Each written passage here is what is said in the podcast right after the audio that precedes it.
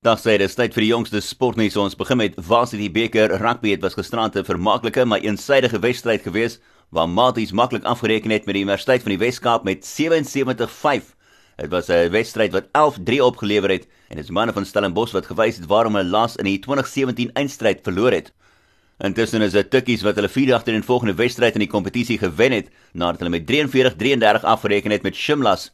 Die wedstryd tussen die Sentrale Universiteit van Tegnologie en die Universiteit van Kaapstad het geëindig in 'n nalbyt 44 elk gelykopstryd in Bloemfontein en Wits het met 27-24 gewen teen die Noordwes Universiteit. In sokker was dit gisterand die heel laaste wedstryd gewees in die Nedbank beker se laaste 16 en dit was Wits wat met 2-0 gewen het teen Chippa United om aan te sluit by Baroka, Black Leopards, Bloemfontein Celtic, Highlands Park, Mamelodi Sundowns en tweede divisie spanne TS Sporting en Rail Kings, wat die ander spanne is wat gekwalifiseer het vir die kwart eindrondes. En in Engeland is dit Liverpool wat die rekord geëwenaar het deur 'n 18de agtereenvolgende Premier League wedstryd te wen, met die kompetisie voorlopers wat teruggeveg het om vir West Ham te klop met 3-2 danksy 'n laat doel deur Sadio Mane.